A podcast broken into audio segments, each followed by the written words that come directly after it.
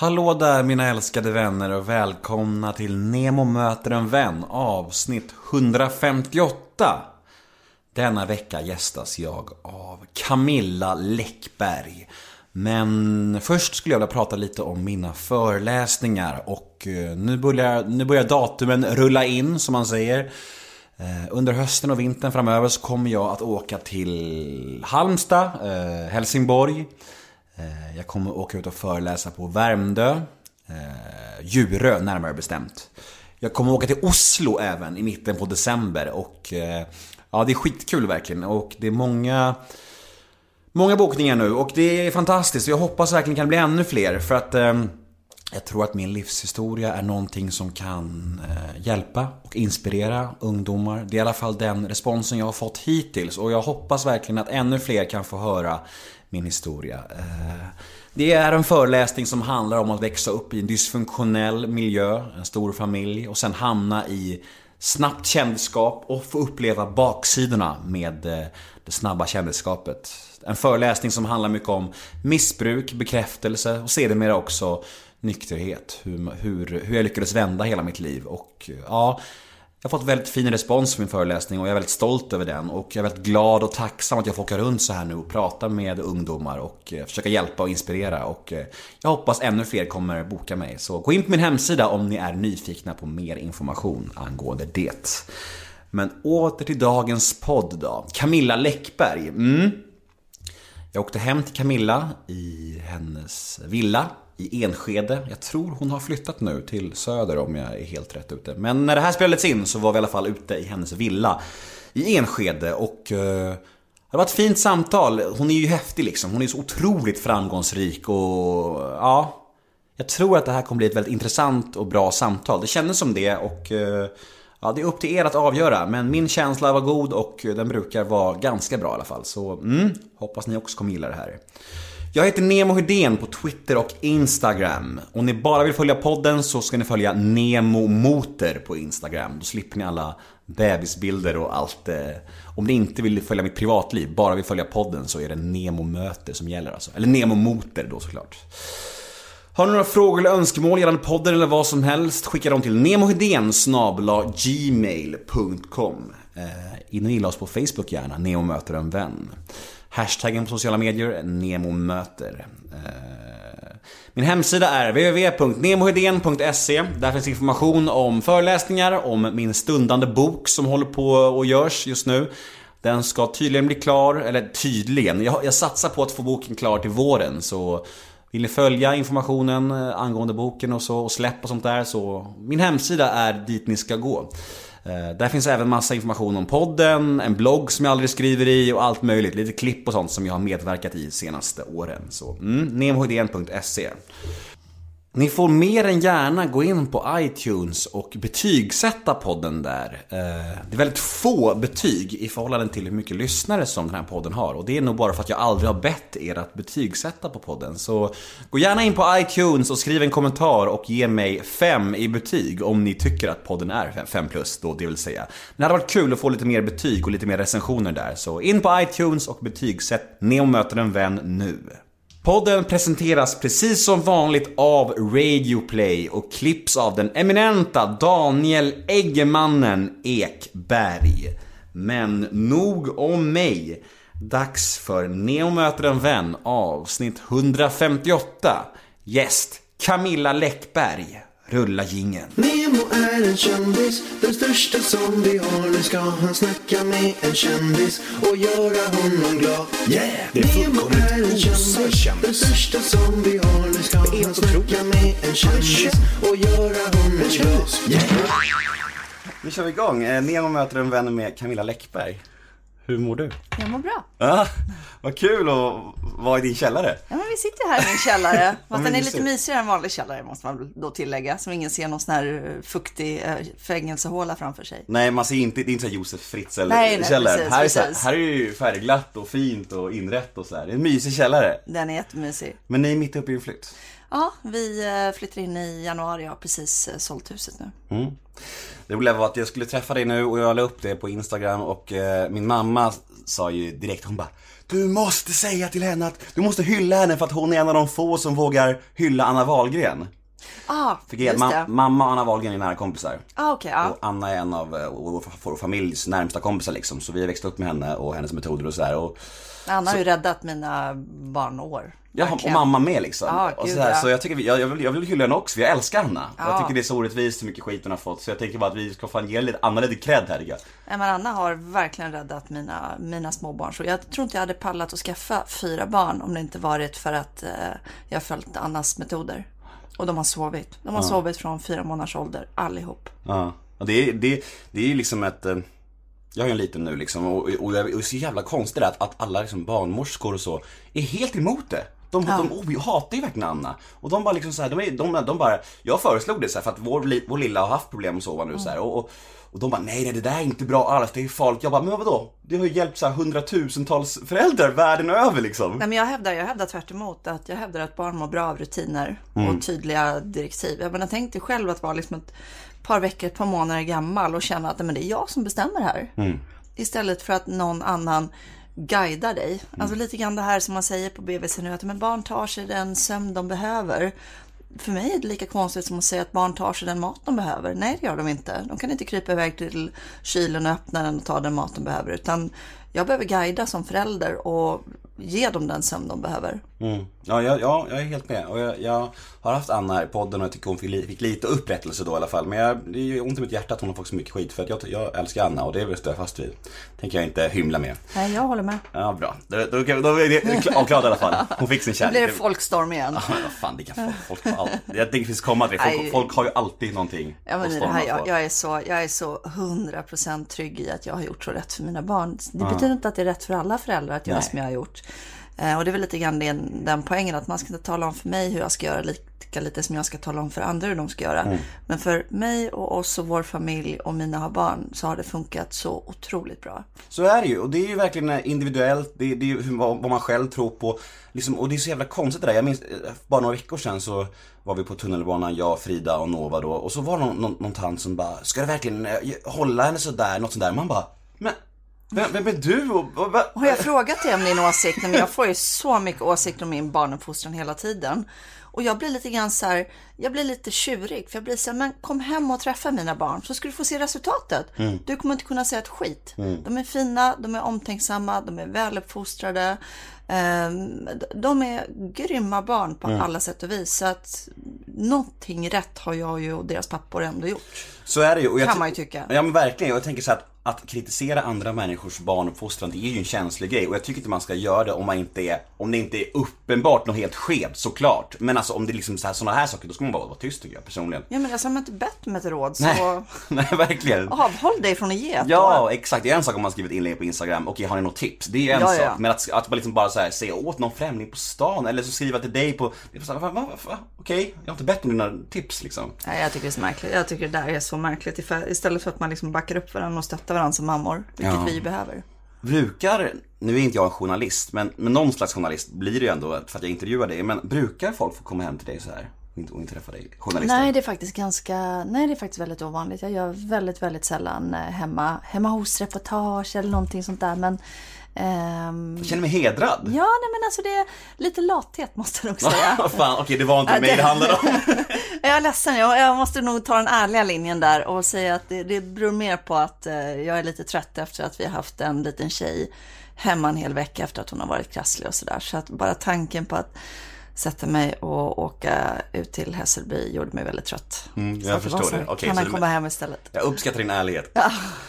men alltså, vi snuddade vid det nyss, men det här med att eh, vara omskriven, och det kan vi beta av i början tycker jag, för det är ju liksom Varför är alla kvällstidningar så besatta av dig? Det har jag själv undrat och jag fattar inte riktigt varför. För jag tycker inte att jag är så extravagant eller så. Alltså jag tycker att jag är ganska vanlig. Men jag tror att det kanske är just det som är faktorn. Jag är den här vanliga småbarnsmorsan som hade en vanlig kontorskarriär. Ehm, och sen plötsligt förverkligade sin stora dröm och nu får göra massa saker som folk bara drömmer om att få uppleva. Och så att jag tror nog att det är min vanlighetsfaktor som skapar det här stora intresset. Mm. Men hur medveten, alltså är du då själv om? Jag tänker så här, nu i intervjuformat och så här, tänker du hela tiden på att du är bevakad? I alla sammanhang? Ja, det gör jag nog på sätt och vis. Jag har nog inte förrän ganska nyss börjat tänka så, men det är för att det har eskalerat och det har blivit mer och mer och mer och mer och det skrivs ju om allt jag gör och jag får ju negativa reaktioner på grund av att tidningarna skriver så mycket om mig. Ehm, jag får, folk tror ju på riktigt att jag ringer in till tidningarna på daglig basis och säger att snälla kan inte ni skriva ett parader om att jag har köpt nya vinterstövlar eller kan ni inte skriva ett mm, parader om att jag käkade en del macka i morse. Ehm, Jag ser ju det, så jag är lite grann så att jag googlar och kollar ibland vad som skrivs. Jag är ett kontrollfreak så jag vill ha koll.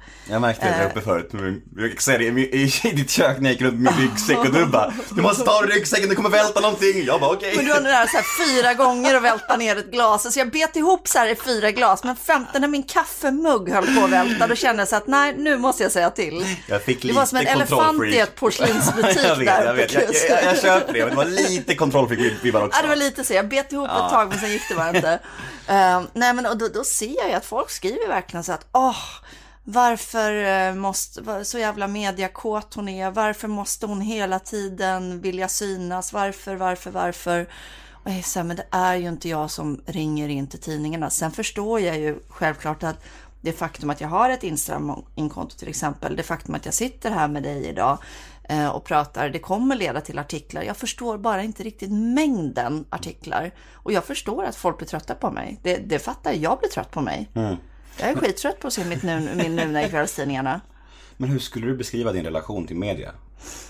Den är ju väldigt dubbel. Det är samtidigt media som har eh, gjort att jag nått ut till så många läsare. Och eh, Eh, jag använde ju det medvetet i början av min karriär. Att jag ställde upp på väldigt mycket intervjuer. Jag såg till att liksom bli ett hushållsnamn som man kände igen. Och det är ju media som hjälpte mig med det.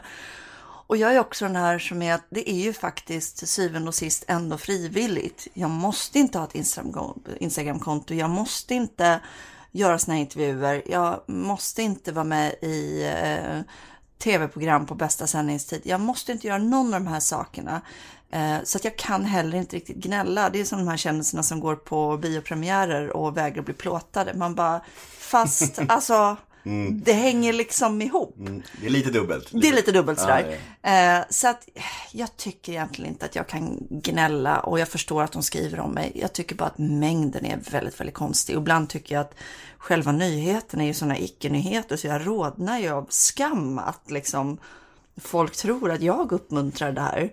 Jag tror min, min värsta artikel hittills vad gäller låg nivå på intressefaktorn, det var, jag hade en jubileumsfest när jag firade tio år som författare och så kom ju mina gäster då, goda vänner och familj och folk som jag har jobbat med genom åren med så här gåvor när de kom till festen. Och några av mina polare då som vet vilken humor jag har hade ju köpt ett, en godis-bh till mig. En sån här godishalsband du vet, fast som en bh. Och jag tog en bild med den paketen på festen. Dagen efter åkte jag till eh, Palma, jag skulle sitta och skriva en vecka och jag skulle vara lite rolig. Ehm, Jag hade ännu inte riktigt fattat det här att journalister inte förstår humor och ironi. Så att jag lägger ut en bilden från kvällen innan på festen med den här godis i paketet och skriver att attans, åkte till Palma och glömde min godis-bh hemma. Detta blev en halvsida i kvällstidningen. Jag kommer inte ihåg vilken av dem det var. Det blev en halvsida. Rubriken var Läckberg åkte till Palma, glömde godis-bhn hemma. Och det var alltså, det kan verkligen inte hända mycket i världen. Nej, jag, jag tänker lite på det, att, att det finns ju Jag vet inte, ska vi försöka nämna tre personer som är intressantare för kvällstidningarna i Sverige än vad du är? Kan du göra Alltså, alltså G- GV ligger nog i alla fall och nosar på samma där tror jag. det? Och det var ju också, några år var det Persbrandt också Några år var det Inte Persbrandt längre. också, men Han han, är lugnat. han har styrt upp sig. Han, han, är, han är ju så lugn nu, så att nu är det inte så mycket. Eh, nej, men alltså GV är ju väldigt mycket i tidningarna. Pernilla har ju varit Mm. mycket nu på sistone och Bianca. Anna Bok, Anna Bok. Eh, Sara Larsson kanske? ja, fast jag tycker jag kom, ja, nu tycker jag att det var lite ett tag sedan. Ja. Laila Bagge i omgångar också. Ja. Men du är nog, alltså, du är nog, i nog i topp skulle jag gissa. Du och GV. Ja, jag skulle tro det. Ja, jag skulle Mm. tro det faktiskt.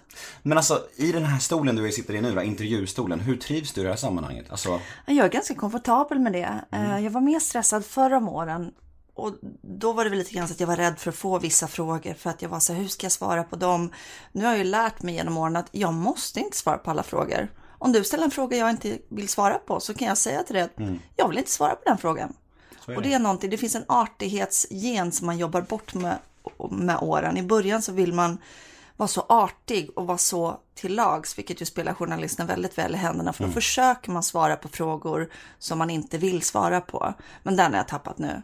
Men det där är så jävla intressant att du säger så, för att jag, jag upplever det jag gör ju lite intervjuer, gästar andra poddar ibland och då känner jag alltså, att man har skyldighet att svara på allt. Men, men jag, jag börjar känna så här. Det nej. försvinner, det Ja. försvinner med åren. Så här, det, var någon radio, det var någon radiokanal, eh, tror jag, P5 som ville ha med mig i morgonprogram och de ville prata om en speciell sak. Och jag sa, nej men jag har inte lust att snacka om det, jag kan snacka om annat.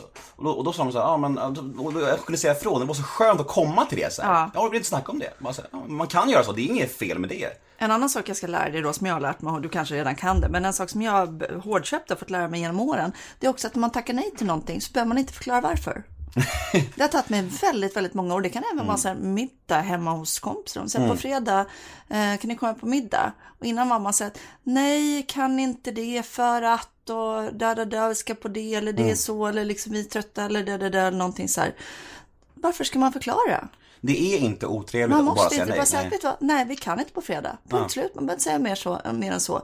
En jobbförfrågan man får, Mm. så behöver man inte svara att nej för att det passar inte just nu men ja, det där. Man kan bara säga att nej, det funkar inte. Och det här Nej, behöver jag tack. höra. För Det är på sant. ja, men det och är det har tagit mig jätte, det låter så självklart man väl kommer på det och det är självklart man väl kommer på det. Men det har tagit mig jättemånga år att upptäcka det. Det är Och bara de, nej. och de bryr sig inte egentligen varför man inte kan komma egentligen. Vad Nej, fan ska de veta? nej. En lång utläggning? Jaha okej, du kan inte komma. Skriv bara det. Det men alltså, ibland så kan det också vara så att man inte vill och så försöker man hitta på någon ursäkt och så trasslar man in sig och så blir det bara fel liksom. Mm. Bara säga att nej, jag kan inte eller nej, jag vill inte eller bara nej. Det räcker jättefint. Nej, bra. bra. Bra tips. Nej, men det... Men alltså, din Instagram då, en fråga om den bara lite snabbt. Känner du dig ibland begränsad eftersom att du vet att det kan, vad som helst kan bli artiklar? Känner du så här att bara just jag kan inte skriva det här för då kommer det bli skit? Ja men så är det faktiskt. Väldigt många gånger så avstår jag från att skriva om någonting jag har en åsikt om på Instagram. Nio gånger av tio så censurerar jag mig själv för att jag inser att det kommer att bli sånt jävla liv. Eh, och sen Vad blir det också så här, ja men jag dig, vet, ja. fast det ändå så här så blir det också så här folk tycker att ja men ska hon ut och tycka till om allting och hit och dit. Och då känner jag alltid så men ni har ju själva antagligen åsikter om allting. Mm. När ni sitter på jobbet på fikarasten så har ju ni en åsikt om allting som diskuteras och är aktuellt just nu. Precis som jag har det. Eh, Men nej, faktiskt nio gånger av tio censurerar jag mig för jag vet att det kommer bli sånt jäkla liv och då kommer fokus hamna på mig istället för på frågan som är aktuell och så vidare och så vidare. Eh, Men den tionde gången så, så kan jag inte riktigt hålla truten och så säger jag till vad jag tycker ändå och så blir det det där jäkla livet. Men Efter, Ibland- några, efter några glas bubbel typ? nej, jag brukar försöka hålla mig från några... Jag har en mentalt alkolås på telefonen. Ja men det är bra, det låter sunt. Tips till våra lyssnare. Nej, det menar det rinner över så när det är någonting som jag verkligen känner att nej, det här kan jag bara inte hålla tyst om. Jag förstår ju det är helt rimligt som du säger, men det är ju lite, lite synd att man inte kan skriva allt man tänker och känner på sociala medier. I en, I perfekt värld hade man kunnat I det. en perfekt värld så skulle man kunna göra det. Men så är det. Så det, är bara, det är bara att svälja. Du, ehm, vi ska ändå spola tillbaka bandet lite tänker jag, till barndomen, till Fjällbackatiden. Uh, vet du, om vi kollar på din barndom, hur skulle du säga att du minns den? Väldigt trygg och väldigt så här, mm, vad ska man säga, Lotta på Bråkmaka gatan uppväxt. Alltså det är tusen personer som bor i Fjällbacka, så litet är det ju. Så att det var ju liksom så här om jag, när jag började få gå hemifrån ner till mormor, vilket var en promenad på ungefär fem minuter. Så alla hade ju koll, vet, då hade mamma fått, innan jag kom fram till mormor så hade mamma fått fem telefonsamtal om att ja, ah, Camilla har rymt hemifrån, hon är ute och går själv här nu. Alltså alla hade ju koll. Men jag tyckte det var skönt. Alltså det var väldigt tryggt och jag hade mina kompisar som bodde runt allihop och man lekte hos varandra varje dag och man följdes åt till skolan och vi var 15 i klassen och ja, men jag, jag är väldigt glad att jag fick en sån uppväxt. Var det likadant i din familj också? Var det, var liksom, det var tryggt och det var kärleksfullt och det var lugnt liksom? Ja, lite för långt tyckte jag ibland. Jag var ju eh, enda barnet. Jag har ju två halvsystrar som jag inte växt upp tillsammans med under samma tak. Så att jag har ju växt upp som ensambarn. Och det tyckte jag kunde vara lite tråkigt ibland. Så jag blev ju det här barnet som satt och läste på mitt, på mitt rum själv. Eh, och jag tyckte också ibland att det var pest att jag hade två föräldrar som var hemma jämt. Mina föräldrar var ju sjukpensionärer så att de var ju alltid hemma. Och jag kommer ihåg det att jag kunde älska ibland när man kom hem och de faktiskt var borta någonstans. Man fick vara ensam hemma. Det var sånt lyx alltså. Och det kan jag fortfarande älska, att vara ensam hemma. Men är det, är det därför du har, du har ju fyra barn, det är ganska Mm. många i svenska ögon mätt. Eh, Är det därför du har så pass många barn? För att du kände någon slags ensamhet när du var liten själv?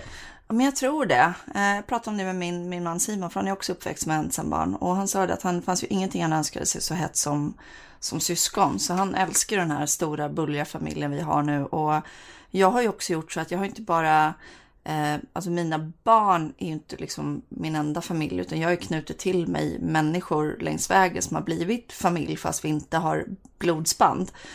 Um, min dotter som är 13, hon skrattade för några veckor sedan som bara skakade på huvudet och sa alltså, mamma vi är så konstig familj men det är så härligt. Um, för vi- Bra betyg tycker jag. Ja, Konstig och är härlig. Ja för det är vi, vi är en väldigt eh, brokig hög som har liksom gjort varandra till familj. Mm. Ja men det är ju så, alltså, i i så här bonusfamiljen-tider, alltså konstellation, alltså, kärnfamiljen håller verkligen på att dö ut och det känns som att konstellationerna får ju vara hur som helst. Så länge alla mår bra är det det enda som betyder någonting.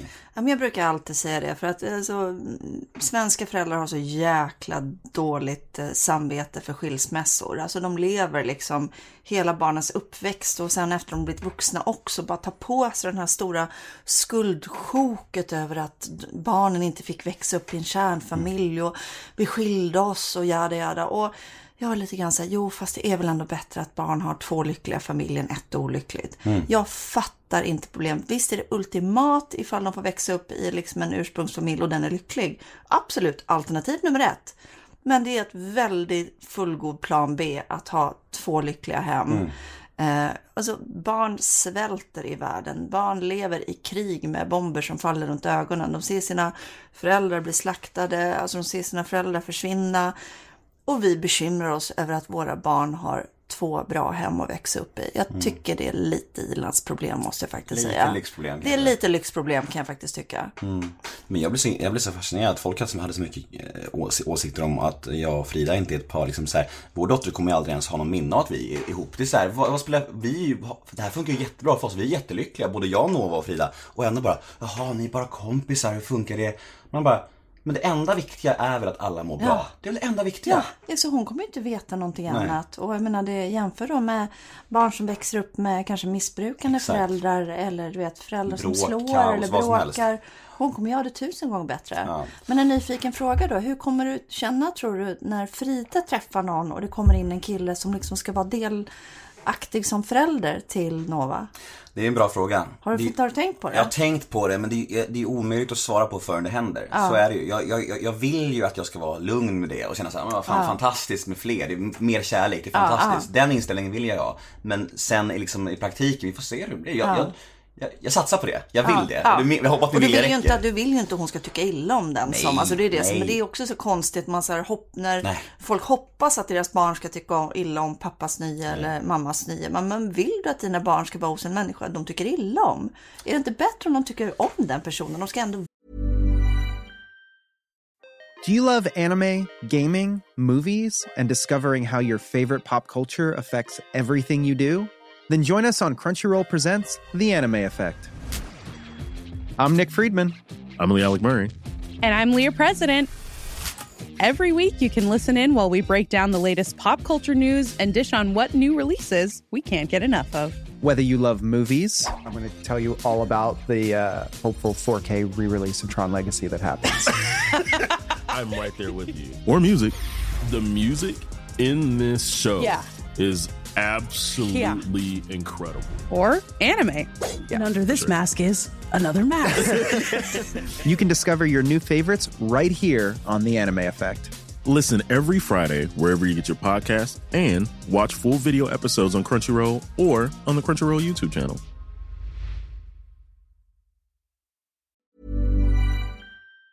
Vara där halva sin tid. Exakt. Nej, verkligen. Jag vill bara att Nova ska ha så mycket kärlek runt sig som möjligt. Det är det enda som spelar någon roll. Ja. Sen så hur, vilken konstellation det är, det spelar inte stor roll. Nej. Kärlek och, och, och trygghet är det enda som spelar någon roll. Så det... ja, men alltså, skulle du kunna tänka dig själv att låta dina barn växa upp i ett ställe som Fjällbacka? Absolut, alltså mina barn älskar ju Fjällbacka. Ehm, mina tre stora har ju varit där mycket hos mormor. Charlie som är åtta år nu, han åker dit på lovet, han flyger själv. Det har han gjort sedan han var fem år, det har de allihop gjort sedan de var fem. de tidigt, älskar alltså. det, de älskar det. Ja. Ehm, och ehm, nej men alltså de älskar verkligen Fjällbacka. De älskar att fiska, de älskar att, de är ganska lillgamla hela högen. Och de älskar, de älskar att hänga med mormor och göra små utflykter och åka och fika hos hennes eh, väninnor. Och ja, de tycker det är toppen. Mm, härligt. Så de är nog lite småstadsmänniskor så. Men om man ska återkoppla lite till uppväxten igen. Eh, vem skulle du säga att du var i skolan? Jag var den duktiga, präktiga flickan. Eh, aldrig den som var utstött där, för jag har alltid haft mycket kompisar. Jag fick alltid vara med. Eh, och jag har heller aldrig upplevt att mina kompisar har så här retat mig för att jag var plugghästen. Eh, jag har faktiskt funderat väldigt mycket över det i vuxen ålder, för egentligen så har jag nog haft en himla tur. Det var snarare som så, så att i till exempel högstadiegymnasiet så, så vet jag att mina klasskompisar typ nästan skröt och liksom så, ah, vi har ju Camilla i vår klass, hon är så himla duktig och de kom och bad om hjälp och sådär. Så att jag, jag måste nog haft en råtur. Jag fick aldrig det som något negativt. Däremot var ju den här med liksom kolabottenglasögon och tandställning och jag vet, jag hade långt hår tills jag var 11, men min mamma hade någon slags fix idé att jag skulle klippa mig. Jag förstår var, fortfarande inte varför. Hon ville absolut att jag skulle ha kort hår. Eh, Jag har frågat henne flera gånger och hon själv ingen riktigt bra förklaring till det. Så att jag gick med på det till slut när jag var 11. Jag skulle klippa av mitt, mitt långa hår. Och då hade jag med en eh, bild på Lady Di till frisören. Det var inte helt lyckat. Jag såg mer ut som en kvinnlig Harry Potter.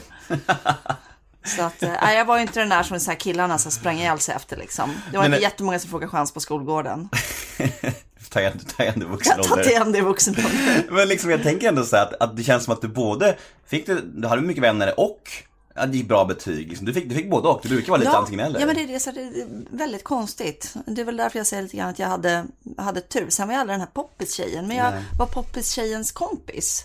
Jag fick vara med, jag var tillräckligt liksom accepterad för att jag, jag fick vara med. Liksom. Och det var ingen som... Och jag, jag gjorde det här programmet Klassfesten nu i eh, våras. Det sändes nu i höstas.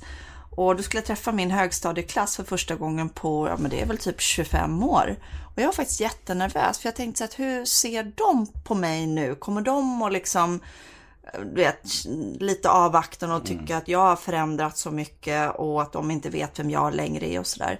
Men jag måste säga att det var den bästa kvällen jag haft på många, många, många år. Det var så fantastiska människor och det, det var sån aha-upplevelse. Eh, att få höra hur de hade upplevt mig och ja, vi hade så roligt. Vi, vi slutade kvällen, man fick ju en klassfest efteråt då. Och vi slutade kvällen på en um, gaybar i Gamla stan där vi stod och skrålade uh, Piccadilly Circus på dansgolvet. Eh, och nej, det, det, var så, det var så fantastisk känsla att få den återknytningen. Mm. Var de, eh, alltså, var folket i klassen, var de som du mindes? Alla var sig väldigt lika. Det var så roligt. Alltså alla var sig, alla gled in i sina roller direkt och var sig så jäkla lika. Det var ingen skillnad. Alltså det kändes verkligen som vi satt på en högstadiemiddag. Minns du din första kärlek? Ja, det gör jag. Sen är det lite svårt hur man definierar det. Men första killen som jag blev ihop med, det var en kille som hette Mattias Andersson. Och vi var ihop i 13 dagar. Jag tror vi hånglade två gånger eller någonting. Sen gjorde han slut med mig. Jag älskar att du minns 13 dagar precis. Det var 13 dagar. Jag kommer ihåg, det var lite bitter. Det var inte ens två veckor nämligen. Hur gammal var du?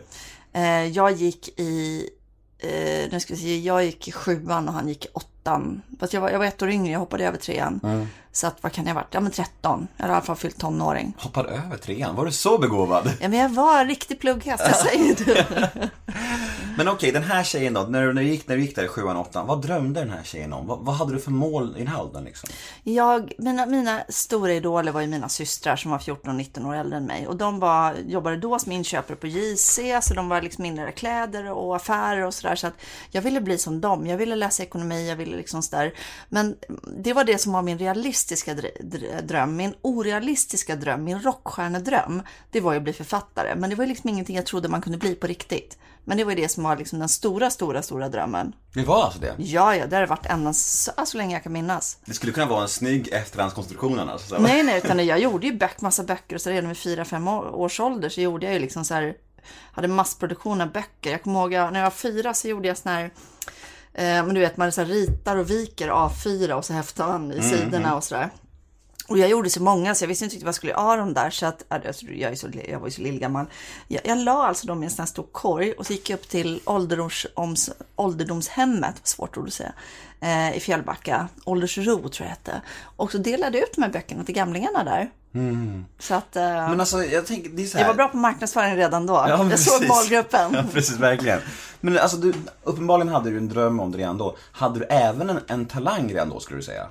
Ja, det skulle jag nog faktiskt säga. Så hela min skoltid så har jag ju alltid fått otroligt mycket beröm av lärare för mina skrivtalanger. Jag har kvar mycket gamla noveller och sånt där också som jag skrivit i skolan. Jag har sparat allt sånt. Och de är inte helt oävna faktiskt. Sen hamnar, handlar de ju alltid om så här mord, självmord, ond bråd död, olyckor, allting sånt. Varför, varför det? Jag vet inte, jag bara alltid vet, jag Som började kontrast till läsa ditt lyckliga liv liksom. Du vill alltså ha, du vill, du vill leda så tryggt, då vill du skriva om Ja, en men jag mord har bara. alltid varit fascinerad och sånt. Så att när småtjejerna, liksom de andra kompisarna läste så här, Min häst och Penny och sånt där, så Mm. läste jag ju om seriemördare och jag började läsa Agatha Christie när jag var sju och sådär. Så att någon form av störning har jag ju, det är helt klart. Och det var faktiskt så illa så att när jag gick i gymnasiet så vår svenska lärare var också vår klassföreståndare, Ville Svensson hette han. Han eh, kallade in mig till ett enskilt samtal efter att jag än en gång hade lämnat in en sån här hemsk novell och frågade mig väldigt allvarligt om jag hade några problem hemma som jag ville berätta om. Så att jag har, det har ju alltid funnits där hos mig. Jag har ju alltid plöjt enorma mängder facklitteratur också om seriemördare, psykopater, rättsmedicin. Du bara, Ville, nej det är tvärtom. Jag är skitlycklig här med att jag får utagera det här andra någonstans. Ja, men jag tror lite grann så att jag får ut väldigt mycket genom, genom det här. Men har du aldrig funderat på att släppa de här ungdomsnovellerna? Alltså så bra är de inte. nu ska vi inte ta i här. Ja, jag vet väl inte. Men det roliga är att min dotter har ärvt det här. Min 13-åriga dotter som är världens gladaste, soligaste, happy-go-lucky person i hela världen är ju också eh, radikalt fascinerad av såna här grejer. Hon drömmer om att bli kriminolog. Eh, Som GV. Ja, du vet, som GV. Och ehm, vi har ju en skräckfilmsklubb hon och jag sedan flera år tillbaka. Så att vi har ju sett i princip varenda skräckfilm som finns. Vi gick ju på It nu och ehm, ehm, satt och kollade på den i gula regnjock- regnjackor förstås. Älskar det. Vad tyckte du om It, eller Det på svenska? Jag tyckte om den eh, och jag var väldigt glad att min dotter tyckte om den. För att jag har ju läst otroligt mycket Stephen King under hela min uppväxt. Och det många inte förstår, som inte har läst mycket King, det är att de handlar egentligen inte så mycket om skräck, utan de handlar ju om andra saker. Sen har han- han använt skräck som tema, så att filmen Det, eller It då, handlar ju egentligen inte så mycket om skräck. Det handlar om att bli vuxen, det handlar liksom om så mycket andra. Utanförskap. Utanförskap. Eh, det är mycket det onda mot det goda fast inte just i skräckform. Utan, eh, och jag var jätteglad för min dotter fattade det. För jag var lite frågan efter vad tyckte du? Jag tänkte har hon förväntat sig en ren skräckfilm så kommer hon vara besviken. Hon bara, jag tyckte den var jättebra mamma. Den var inte som jag trodde men jag tyckte den var jättebra. Men jag tror också hon håller på och läser Under the Dome nu. Eh, Så jag tror att hon liksom har förstått det. Hon har läst en hel del Stephen King nu också. Mm. Jag tycker att, eh, jag tycker att det blir påtagligt i It, alltså vilken skillnad det är på barnskådisar i USA och Ah, Sverige. ja, men det De är är- så jävla grymma alltså. Nej men alltså de är, de är så bra i den här filmen så att man bara dör så bra i dem. Sen så är ju USA ett större land, det är inte Ja, konstigt. ja, det finns ju lite större urval. Ja verkligen, men de är verkligen grymma så jag rekommenderar också den här filmen starkt. Men har du någon sån här en milstolpe eller en punkt där du kände att Fan, jag kommer kunna försörja mig på, på skrivande. Jag, jag, kom, jag, jag kan det här, det här, jag kommer bli, kunna bli riktigt bra liksom. Har du någon sån i, i livet? Nej, inte förrän... eh, Alltså jag, första boken blev ju antagen samma vecka som jag fick mitt första barn. Eh, och sen skrev jag ju de nästa två böckerna under de två föräldraledigheterna. Så att jag hade ju lite så här, vad ska man säga, livrem och hängslen. Så att jag levde ju liksom på föräldraförsäkringen medan jag skrev de här böckerna. Och då när det var slut eh, och det var liksom dags att börja jobba igen, då hade jag hunnit komma upp i sådana försäljningsnivåer så att jag kunde försörja mig på det. Du var, civil, du var civilekonom va? Ja, jag var civilekonom. Hur länge var du det? Jag hann jobba i fem år ungefär. Var du bra? Alltså jag, jag, var, jag var bra på mitt jobb, jag skötte mitt jobb. Eh, jag tror inte några av mina chefer skulle kunna ha något att mm, klaga på. Jag är ju liksom så här duktiga flickan så jag gör ju det jag ska. Men jag vantrivdes ju. Jag vantrivdes alldeles fruktansvärt. Det låter inte så jättekul. Nej. Alltså det var inte min grej. Nej, Men jag har ju kompisar som älskar det, som Ja, liksom det precis. passar oerhört väl för det. Men nej, alltså jag passade inte. Det var inte min grej. Jag var verkligen en rund kub i ett fyrkantigt hål liksom. Och jag försökte pressa mig igenom där och det gick bara inte. Det var, det var inte alls min grej. Så du har inget ögonblick där du kände att fan, nu har jag slagit igenom? Ja, det var nog faktiskt tredje boken. Det var när um, tredje boken passerade så här 60 000 sålda. Då kände jag så att nej, men nu, nu vågar jag faktiskt tro på det. Jag vågade inte kalla mig författare heller förrän jag hade släppt två böcker. För att Författarförbundet har ju någon sån definition att efter två böcker så är du författare. En bok kan ju vem som helst råka släppa liksom. Men är väl resonemanget bakom det. Men klämma ur sig en till, det är lite grann det som är knepet. Och det märker jag ju idag när jag pratar ju mycket med folk som vill skriva, som håller på och skriver och jag coachar några stycken sådär. Ehm, Men eh, då är det ju det att men en bok, då har de gått och hållit på den idén i tio år och så Mm, man skriver de den. liksom. Och så kommer mm. liksom som en chock och så kommer den ut. eh, Och så kommer det liksom som en överraskning att vänta nu, ska jag skriva en till nu? Man har liksom aldrig tänkt så långt. Mm. Nej men det är lite som, alltså Artister också. Jag, jag tror jag snackade med Money Brother om det och han sa det att en platta kan ju liksom, det, det släpper många men alltså, att, att, för att följa upp den sen det är ju mycket, mycket, mycket, mycket svårare liksom. Ja, och det är ja. där ofta liksom så här, ja, inte, brister för många. För att liksom, många one hit wonders finns det inte i världen? Exakt, Liksom? ju, det är ju Ja. ungefär samma grej där. Så att, jag läste någonstans att du har sålt över 20 miljoner böcker. 22,5. du har stenkoll. Hur ofta kollar du det? Eller får du Ja, vi gjorde du, precis, inte så ofta, men vi gjorde precis en genomräkning. Så, att, så att därför vet jag en så pass aktuell siffra. Så 22,5 miljoner. Hur, alltså, kan du, kan du ens greppa det? Låter Nej, inte det nej, helt nej. Det är helt omöjligt. Alltså det är helt omöjligt att greppa. Det går inte. Det är alltså mer än dubbelt så mycket av Sveriges befolkning. Ja. Och då, man, då räknar man också att det finns någon sån här mått att för varje bok så går det 2,5 läsare. För du vet, du lånar ut och du vet, du låter böckerna gå vidare. Så att det, det innebär ju liksom att i antal läsare som har läst mina böcker så är det troligtvis 2-2,5 gånger 22,5. Vilket ju svindlar ännu mer. 50 alltså typ. Ja. Alltså det är så här. Varför tror du att dina böcker går hem så mycket hos gemene man? Jag tror det är vardagligheten. Eh, bra deckarhistoria är ett måste. Det är vi väldigt många som skriver. Men jag tror att jag lyckades verkligen sätta fingret på något med det här med vardagshistorien. Med det här paret, Erik och Patrik som man följer. Folk tycker om att känna igen sig. Och min smala lycka har varit att folk har inte känt igen sig bara i Sverige. Utan folk känner igen sig i det här parets tankar, vedermödor, mm, saker de får hantera i sitt vardagsliv. De känner igen det i Spanien, på Island, i Japan, i USA. Och det hade jag inte riktigt förstått faktiskt. Ja, Jag såg någon, någon film på din Instagram där du stod i någon signeringskö. Jag tror att Spanien var ganska nyligen. Ja, Spanien är Alltså, helt galet. Ja, men hur sjukt ju. En kö i Spanien. Vad fan är grejen? Nej, de börjar, om jag, jag brukar börja signera klockan sex och signerar mellan sex och nio på kvällen då för det är en utomhus eh, Mm. bokmässa och det, de har öppet till nio på kvällen. Ehm, och folk börjar köa klockan ett. Så att när jag kommer är det ungefär 200 meters kö. Rockstjärna? Ja men det är helt sjukt. Det enda, enda stället på jorden jag känner som en rockstjärna. Folk gråter, folk skakar, folk har gjort specialgrejer, kommer med presenter. Det är en snubbe i Spanien som har tatuerat mitt namn på halsen. Alltså shit. På riktigt, han har mitt namn på halsen. Vad känner du då? Känner du lycka eller känner du mer såhär, det här är för skevt? Jo men alltså det är lite sjukt. Ja. Det är lite sjukt. Och jag fick, eh, förra gången så fick jag poliseskort ut ur, ur eh, bokmässområdet för folk vägrade gå liksom. Så Vad, eh, vad är skillnaden på, på signeringar i, ja vi säger Spanien och i Sverige då? Men svenskar är ju mycket mer återhållsamma. Alltså svenskar är ju mycket försiktigare. Det är Vi, vi samma har känslorna som... inåt. Ja, men vi har ju det känslorna utåt. inåt liksom. Så, här, ja, så att vi, vi är inte lika, ja men så här, wow, utan vi är väldigt försynta så.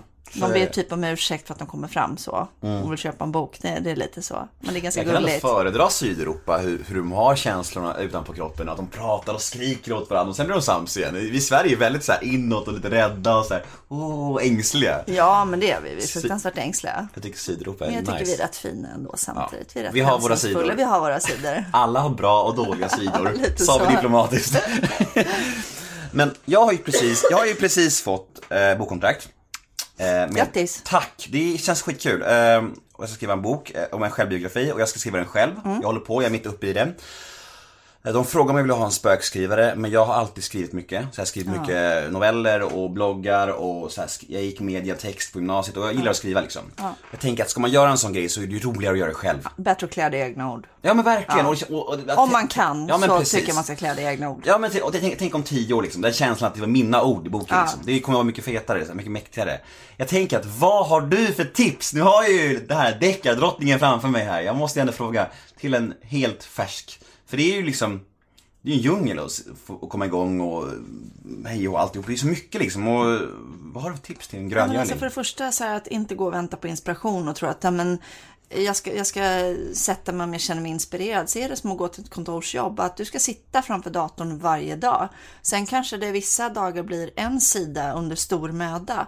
Ehm, andra dagar kanske det bara rinner på och det kommer tio sidor. Men gå inte och vänta på inspiration. Alltså det, jag känner inte för att gå till jobbet alla dagar. Alltså du måste se det som att en advokat till exempel kan inte sitta hemma på morgonen och känna efter att ah, jag är sugen på att jobba idag. Nej, jag tror jag skiter i det. Jag går hemma i pyjamasen istället och kollar på Dr. Phil. Alltså det, det går inte. Man måste gå till jobbet och göra sitt jobb ändå. Det är samma sak här. Så att avsätt tid, alltså varje dag om det går, då du sitter framför datorn. Sen får du väl se vad som kommer. Men ofta så kommer det när man sitter där. Ehm, och sen också en annan grej, att ehm, förvänta dig inte att skriva perfekt från början. Det är ett misstag många gör. De tror att de måste leverera ett perfekt manus, att varje sida måste vara perfekt. Och så håller de på att gå tillbaka hela tiden och fixar och redigerar och liksom så här. Bara skriv. Bara ös ur dig. Det är så mycket enklare att fixa i efterhand. Jag menar, mm, jag jobbar jättemycket själv först med att redigera min text. Jag skriver igenom hela manuset från A till Ö. Ibland är jag så här, bara, åh vad hette det där stället jag skrev om? Äh, skitsamma, jag skriver X så länge. Det här fixar jag sen. Bara för att komma vidare och liksom inte tappa flödet. Eh, och sen när jag skrivit igenom hela manuset, då sätter jag mig, skriver ut det, sätter mig med rödpenna och börjar gå igenom det. Och jag går nog igenom det själv fem, sex gånger först. Sen lämnar jag över det till en förläggare som också går igenom det toknoga. Ehm, Men många tror ju liksom så att ah, men då ska man komma med ett helt perfekt manus och du kan inte skriva vidare förrän du har skrivit några perfekta sidor. Helt fel. Totalt helt fel. Ös ur dig, skit i om det blir en konstig mening, skit om du inte kommer ihåg vad den heter just då. Du kan kolla det sen. Eh, ta dig vidare. Mm, skapa, skapa, Skapa, skapa. skapa, skapa. Det är som en konstnär som gör en skiss först. Mm, Du kan liksom så korrigera sen. Ja men det är bra, för det, för det trodde jag också från början ju att, att så här, ja men bara för att jag ska skriva det själv så måste jag skriva liksom allt själv. Men så är det ju inte, jag har ju ett team bakom mig som redaktören, förläggare Och du som kan kommer. fråga, du ska använda Exakt. dem, du ska fråga dem så här, okej, nu vill jag berätta om den här perioden, men jag vet inte riktigt vilken punkt jag ska börja i till exempel och när i boken ska det här komma? Du kan fråga om sånt, De- det är deras jobb, det är, det, är sånt de kan. Det betyder inte att liksom de har skrivit boken, utan det, det är liksom det, det, ta råd eller ta hjälp av deras eh, expertis och kunskap. De har så många års erfarenhet av det här. Och, och du, jag, jag, måste, jag kommer att börja smsa dig nu. Ja, ja, ja, du får fråga. Du får bara fråga på. Obe, obekväma tider, mitt i natten så här. Ja, jag, ja. jag, Jag, ska jag har inte på ljudet då, så det är bara att mässa. Det är bara att mässa på. Ja, bra, det är bra med ett tips, det är bra. Det är bara små små bebisföräldrar som är uppe och mässar på nätterna liksom. Man vet att, ah, Jag, vet att du har barn också, så små barn också, så det är perfekt.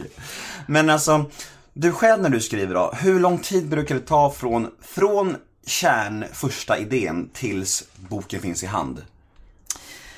Alltså själva skrivarbetet tar nog nästan ett år. Sen har vi ju strömlinjeformat produktionen liksom rätt mycket nu av mina böcker genom åren. Så att sen tar det nog ett par månader bara tills det finns en fysisk bok. Ibland gör jag också så att jag skickar över partier av boken så att min förläggare kan börja jobba med den medan jag skriver vidare. Ifall det är liksom tidspress. Man är alltid tidspressad med en deadline. Ehm, men som förra boken Häxan till exempel, ja men den tog nog tio månader att skriva, själva skriv, från första ordet till sista liksom. Men du som ändå är så pass etablerad och stor, om, om ni säger att du ha, har en tanke om någonting i boken och din förläggare tycker att det borde vara helt annorlunda, att ni, ni, ni, kan det bli en konflikt då eller är ni alltid överens? Jag är ju ändå till slut den som är avsändare, så att jag, jag bestämmer ju. Däremot så har de ju ofta väldigt vettig input och ibland är det faktiskt helt ärligt så också att jag själv känt att ja, den här karaktären blev kanske inte jättebra men de märker nog inte det typ, tänker man så. Och så märker de. Och så, så, så märker de det, man bara, "Ah, fasiken också. Rackarns påkommen. väldigt, väldigt ofta så känner man så här, ja det där visste jag ju faktiskt egentligen. Jag var bara lat och försökte komma undan där liksom. Jag älskar att du säger det. Ja, men så här, och Jag- ibland så, så, ibland så tycker jag inte att de har rätt. Mm. Och då säger jag det och så står jag på mig och säger att nej, jag vill faktiskt ha med det här. Mm. Ehm, jag tycker det är viktigt och jag vill ha med det och då backar de. Mm. De kan argumentera lite till men sen bara, nej men det är du som bestämmer, du är författaren. Mm. Men, men är det samma sak tror du för även mindre författare? Eller är det för att du är så pass eta- etablerad som att du har den makten liksom? Förstår du vad jag menar? Nej, men alltså, de kan ju aldrig tvinga en. De kan, de kan aldrig göra ändringar i en bok. Däremot kan det bli så att för mindre författare då så kan det vara så att de säger att "Nej, men alltså vi, så som den är just nu så kan vi inte ge ut den för vi tror inte på att det här funkar. Det kan de ju göra. Och oftast så har de nog säkert rätt också. Eh, för det, det märker man ju också. Det är många som så här, man ska inte tro att man vet bäst heller. Ehm, det- är en fin avvägning. Å ena sidan ska man stå på sig liksom för sin idé. Uh, å andra sidan så vet de faktiskt rätt ofta vad de, vad de pratar om. Eh, och Mm. de man ska också lyssna, speciellt om man är en ny författare så ska man ju definitivt lyssna. Jag har ju en rutin och en erfarenhet som gör att jag kan vara säkrare på mina beslut. Eh, Men i början så, så det är klart att det liksom, då ska man ju vara mer öppen och lyssna. Ja, de har ju sina jobb av en anledning. Ja, får man ja men gissa. så är det, så är det. Men själva processen då, skrivandet, hur går den till? Är det som du säger att du avsätter liksom sex timmar om dagen eller åker du iväg för att skriva eller hur brukar det gå till? Jag sitter ju mycket hemma och skriver. Eh, Och då sitter jag i kontorstid typ när barnen är i förskolan och skolan. Eh, För det är enda gången jag har lugn och ro skriva. Eh, Och jag betraktar det som kontorstid. Eh, När jag suttit hemma lite längre tag då brukar jag börja få lappsjuka. Då åker jag iväg, då tar jag datorn med mig och så åker jag iväg och sätter mig på något fik eller någonting. Det tycker jag är jättemysigt. Har du redan börjat planera för nästa bok? Ja, det har jag. Eh, Jag ska skriva på den eh, nästa vecka faktiskt. Se- Är, är det så att du ser, fram emot lika mycket nu som för liksom ja, 15 år sedan? Men vad jag menar? Är det lika liksom såhär, åh! Ja, men den här gången gör jag det eftersom jag byter, eh, byter fokus lite grann och ska göra en annan serie. Och det ger lite nytändning. För att annars så blir jag uttråkad om jag ska göra samma sak gång efter gång efter gång efter gång. Så det är faktiskt just därför som jag bryter av nu och gör en tvåboksserie som inte är en Fjällbacka-serie. Sen tänker jag återvända till Fjällbacka och då kommer jag ha nytändning för det. Och det är lite så jag jobbar, att jag måste göra andra saker också. Jag gör Super Charlie-böckerna, jag gör låttexter. Alltså, jag måste eh, hela tiden hålla mig själv på alerten och utmana mig själv, annars blir jag jätteuttråkad. Kan man ranka sina alster, eller, säger man alster? Kan man säga det? Eller är det dikter Ja, mer? n- nej, det- man kan säga alster. Ja, jag jag försökte använda svårt ord där, så Ja, var därför. Ja, ja, jag är vederbörligen imponerad. men så här, det- Så noterat. Ja, det förstör ju användandet av ett svårt ord. Om man säger efter att det är ett svårt ord, då förstörs allting liksom. Nemo Hedén sa just alster. Jag vill Ja. att ni noterar detta. Jajamän. Nej men kan man ranka sina böcker då? Eller, eller är det som att typ ranka sina barn? Eller kan du säga vilka som är dina toppar och dalar i karriären så här? Ja, alltså det är lite, jag brukar göra den här barnjämförelsen i och för sig också. Jag tycker om alla mina böcker fast på olika sätt. Men vissa är jag nöjdare med. Häxan till exempel är den som jag är allra, allra, allra mest nöjd med. Det måste jag faktiskt säga. Ehm, Tyskungen till exempel är också en sån. Och ibland känner man att man tar ett stort kliv framåt i utvecklingen. Ehm, men de andra böckerna Normally, being a little extra might be a bit much, but not when it comes to healthcare. That's why United Healthcare's Health Protector Guard fixed indemnity insurance plans, underwritten by Golden Rule Insurance Company, supplement your primary plan so you manage out of pocket costs. Learn more at uh1.com. behövs ju för att du ska göra det klivet. Mm-hmm. Alltså boken jag skrev innan häxan var nödvändig för att jag sen skulle vara redo att ta klivet med häxan. Så det är ju det som är liksom lite grejen också. Ehm, men jag, jag är absolut olika nöjd med mina böcker. Fast det betyder inte att läsarna uppfattar det så. Läsarna har ju väldigt olika liksom, preferenser. Vissa tycker bäst om den och vissa tycker bäst om den. Och de verkar liksom inte känna av så. Ja, det är intressant det där att, att, att, att man olika, alltså att du inte kan uppfatta det likadant som läsarna. Nej. Det, det är kanske också charmen på något sätt liksom, att man, att, man har olika favoriter liksom. Jag har väldigt många till exempel som kommer och säger att Isprinsessan är deras favorit, min första bok. Och jag kan ju, jag tycker också om den, men jag kan ju känna att det var min nybörjarbok. Det finns ju, jag hade säkert skrivit den väldigt annorlunda om jag hade skrivit den idag med det jag kan nu, vilket ju är omöjligt, för du kan aldrig hoppa över liksom första boken. Du måste ju göra den läro. Eh, Men det är väldigt många som kommer att säga att den är favoritboken. Jag var i Holland, Belgien nu och den var liksom, den och Häxan var liksom de som nämndes som absoluta favoriterna. Första och ti- tionde liksom, det är ganska häftigt. Ja, det är faktiskt lite speciellt, det är som att s- säcken knyts Ja, men ihop lite och så, cirkeln ja. sluts. Men när du är i Holland och Belgien, hur, hur stor är du där ungefär? Ja men där är också, jag ligger etta på bestsellerlistorna och sådär. Så där är jag ett känt, känt författarnamn. Vill du vara så stor överallt? Är det målet? Ja, det vill jag. Gud, jag är tävlingsmänniska. Ja. USA är liksom min stora heliga graal och det går bra i USA. Ehm, kriminalläsarna, deckarläsarna känner till mig. Mm. Eh, och den säljer bra, men jag vill ju bli gigantisk. Jag vill Camilla Läckberg. Ja, gud, jag vill ju ligga på New York Times bestsellerlist. Jag vill att det ska bli Hollywoodfilm. Jag vill att George Clooney ska ha någon roll någonstans. alltså, jag älskar att drömma och jag tycker det är så roligt. Mm. Det ska Eh, man göra. Däremot så ligger jag inte i fosterställning ifall jag liksom inte når den liksom så gigantiska drömmen. Men det är väldigt roligt att försöka.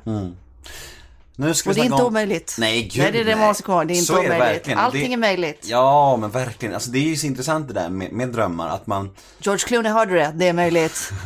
Hoppas han lyssnar. Men med drömmar, det är så här, jag trodde ju alla att jag skulle kunna försörja mig på den här podden. Så jag tänker att nu när jag gör det, då är det så här, då, vill, då, då är alla drömmar möjliga.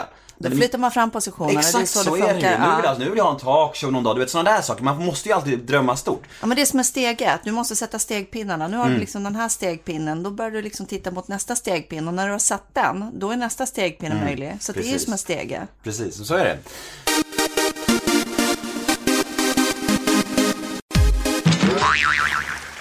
Nu ska vi snacka om relationer. Mm. Eh, Det är intressant. Vi var inne på det lite i början med familjeliv och så här och eh, jag vill prata lite om, om eh, ja, relationer överlag. Vad var det du föll för med Simon?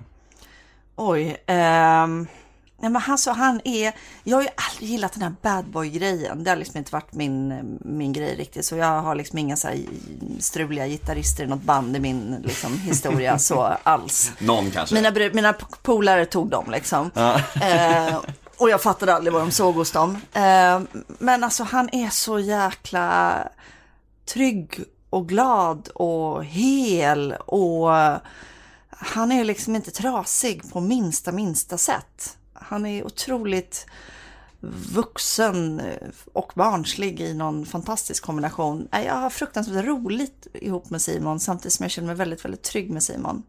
Det är ganska befriande ändå att, att, du, att du attraheras av hans helhet. Ja. För vanligtvis brukar det vara att kvinnor bara så dras till folk som är trasiga. Förstår du vad jag menar? Men Man- jag behöver inte laga honom alls, det är jätteskönt. Det finns ingenting som behöver lagas hos honom.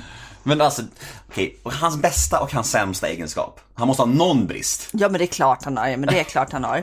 Ja, men det är så en, en sak så som vi tjafsar om till exempel så här, som eh, hans eh, lätt besatta bilintresse. Alltså han kan ju snöa in fullkomligt. Och i början när man var nykär så lät man ju dem hållas liksom sådär. Och efter något halvår, ett år så kände jag att jag hade fått liksom så här bilsnack så det räckte för resten av livet. Och när han började prata fälgar vid ett tillfälle, då tog jag fram min iPhone och så satte jag den på eh, eh, timer. Och så sa jag att okej, så här är det nu. Du har fem minuter på dig nu att prata av dig allt du vill säga om fälgar till mig. När den här signalen ljuder, då är du klar. För alltid.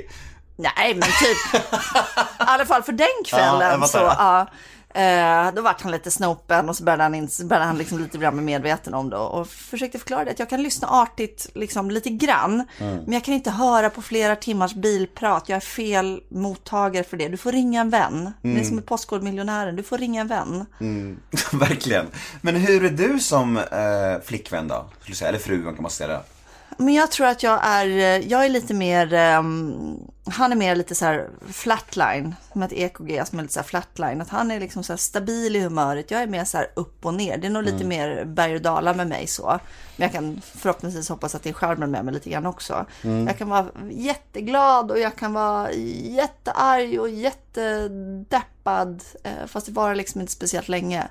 Eh, Och jag älskar att hitta på roliga saker och jag älskar att alltid så här fundera ut att åh vad roligt Simon skulle tycka att det var att vi gör det här eller eh, och han är likadan och då blir det en win-win. Det var lite tråkigt om det bara var åt ena hållet.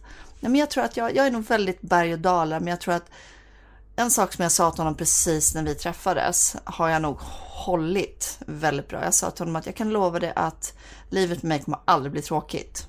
Och det tror jag att jag har hållit. Mm.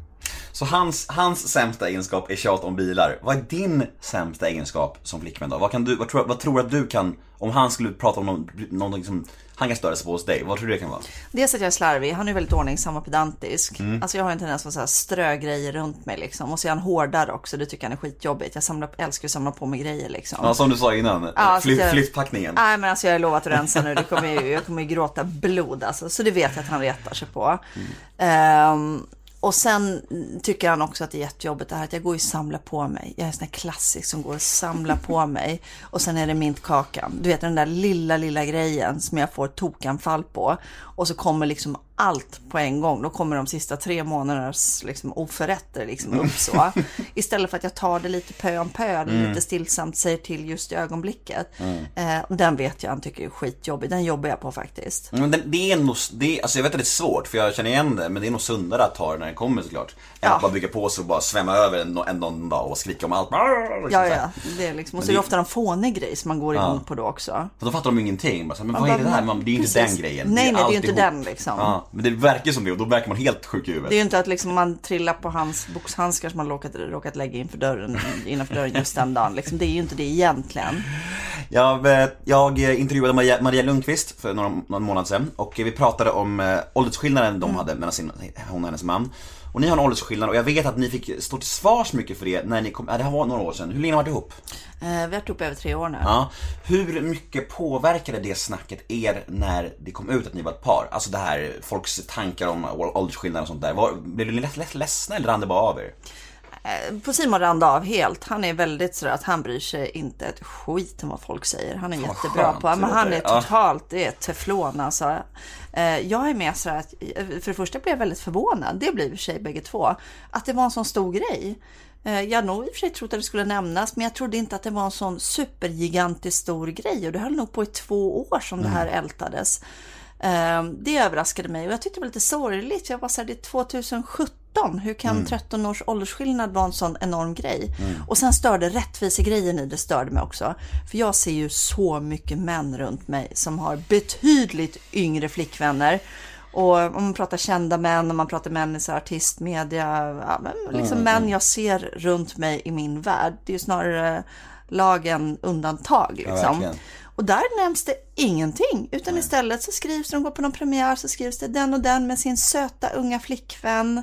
Lite klapp på ryggen typ sådär. Ja men det, det, det är Bra jobbat bisarrt. gubben liksom. Ja men exakt, det är ganska bisarrt. Det är sådana såna tider, jämställdhetstider som vi ändå är, så är det ju helt bisarrt att ni får stå till svars för det. För liksom 13 år, alltså du vet, de här gubbarna, många av de här gubbarna, då är det liksom 30-40 år skillnad. Alltså det är så här, och ändå så ska ni ta, jag tycker det är, jag blev så jävla arg när jag läste det, det är så jävla orimligt liksom. Och jag, jag kan ändå fatta att man blir frustrerad och ledsen för liksom så här.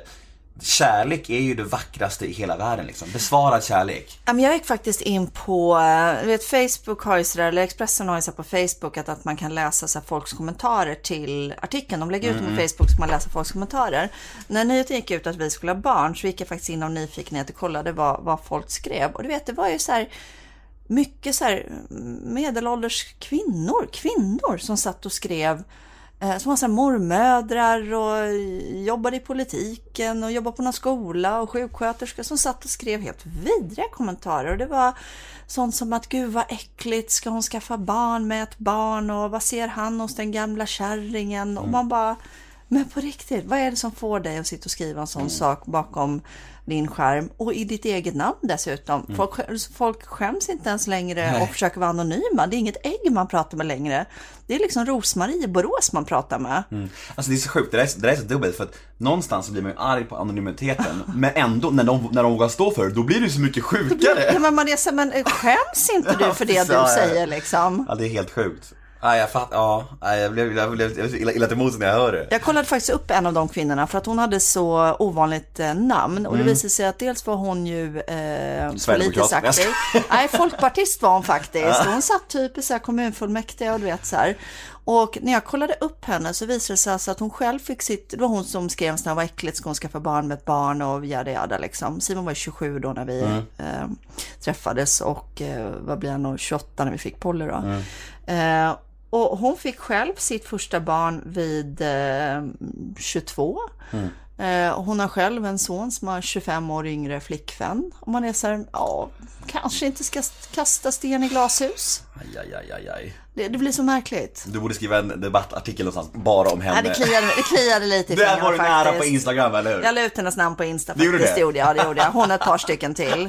Då blir de alltid så upprörda också. De bara, hur kan du hänga ut mig? Jag är ingen offentlig person. Jag ska stämma dig, jag ska polisanmäla dig. Man bara, du sitter och skriver på ett offentligt forum under eget namn. Men du står inte för det du säger. Får du nog skaffa en ägg-twitter istället Ja, nej, jag kan faktiskt bli lite mean girl i de lägena. Och, fast jag tycker inte att jag är det. Jag tycker bara att, men stå för det du säger. Har du åldersnoja? Nej, jag är faktiskt eh, märkligt befriad från det. Jag går hela tiden och väntar på att det ska komma, men jag vet inte, jag har liksom aldrig känt att jag jag har känt att jag växt i mitt eget skinn ju äldre jag har blivit. Jag passade inte att vara tonåring, jag passade inte att vara 20-åring. Det var liksom inte min grej. Jag kände mig alltid lite awkward och fel.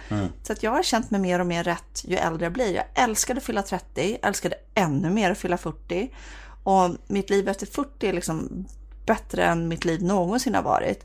Så att nej, alltså jag kan inte riktigt säga att jag känner något sånt. Jag försöker verkligen känna efter nu, men nej, jag har inte Det det. låter som, det låter som Henrik, Henrik Dorsin, alltså samma, samma, samma sak Ja. Alltså att han känner sig alltid lite lillgammal och bara trivs mer ju äldre han blir liksom Nej, men alltså jag är född tant. Det är liksom så här, sen kanske jag inte är så tantig liksom. Jag är mer och mer nöjd med mig själv ju äldre jag blir.